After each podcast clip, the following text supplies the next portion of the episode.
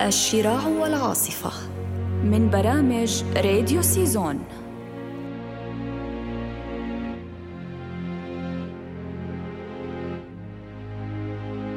الياطر حنا مينا هي رواية للروائي السوري الكبير حنا مينا صدرت عام 1975 تحكي عن زكريا المرسنلي وهو صياد من مدينة اللاذقية يحمل سمات الشخصية الأنانية والخبيثة ويرتكب جريمة قتل فيضطر للهرب فيعيش في مكان ما على الحدود السورية التركية حيث لا يوجد سوى البحر والسهل والغابة.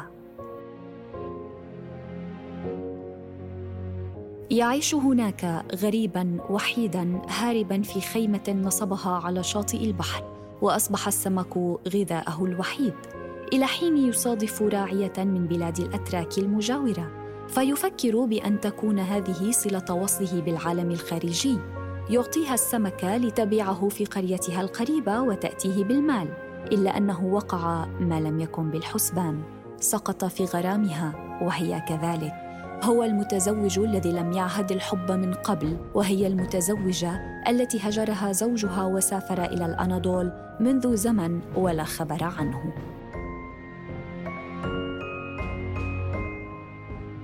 الرواية حديث روح مجروحة تبحث عن الحب والأمان.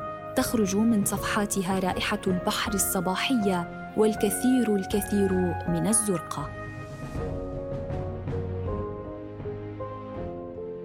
أما عن رأي بعض النقاد فكان نص يحتضن بين جنبيه تقاطعات فلسفية ودينية وتتداخل فيه أصوات عديدة ومرجعيات متنوعة لتصنع عالمه الخاص. سيرة تراوح بين الأحداث في الغابة وسحيق الذكريات في المدينة لتكون بذلك الحبكة مفتوحة على زمنين زمن فيزيائي الحياة على الشاطئ في الغابة وزمن نفسي متعلق بلحظة اغتال صاحب الحان اليوناني زخريادس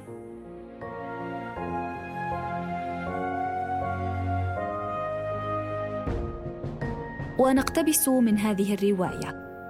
صادفت مرة مجنونا على الشاطئ.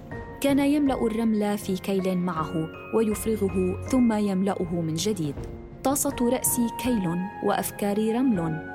لم أكن قادرا على التوقف عن ملء الكيل وإفراغه بل ما كنت أحس أنني أملؤه وأفرغه. الفكرة ذاتها تدخل وتخرج تدور حولي تمشي أمامي تسير إلى جانبي تركض إذا ركضت تتمهل إذا تمهلت تتبعثر تتجمع تغير شكلها لونها وتبقى هي ذاتها في يقظتي ومنامي.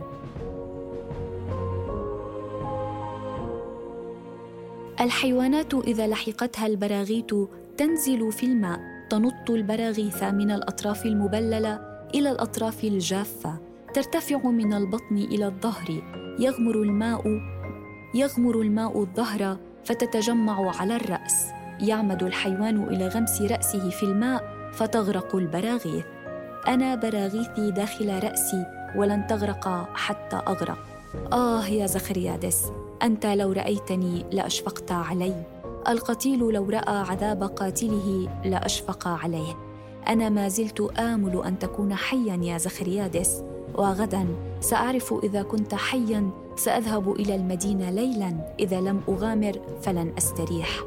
السجن لا يخيفني ولا الموت.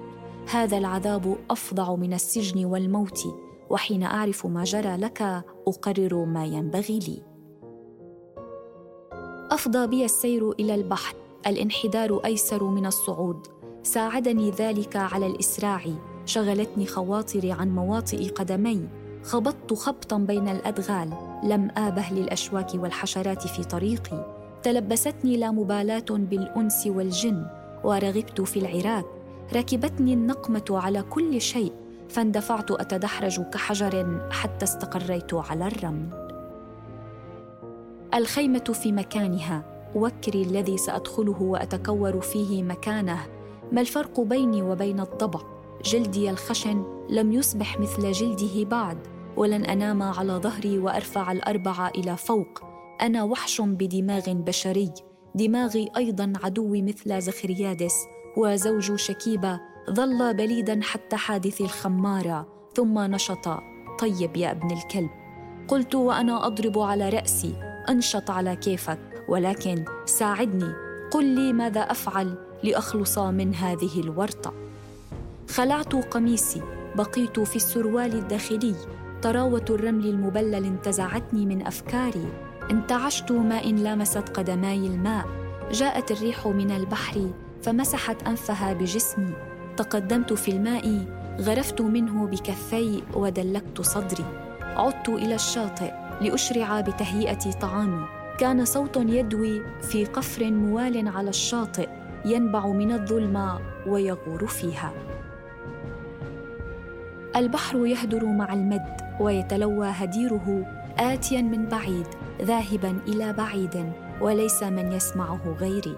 طغى المد على اليابسة فغمر البقعة التي طمرت فيها سمكتي. طررت إلى البحث عنها بيدي وسط الماء. رحت أحفر الرمل بأصابع واجفة وأسأل الله ألا يكون الموج قد كشفها. فعامت وانجرفت مع الزبد إلى البحر ليلقي بها الموج ثانية في مكان ما على الشاطئ. أنا واثق من البحر وما صدقت أنه فعلها معي حتى حين يئست من العثور عليها.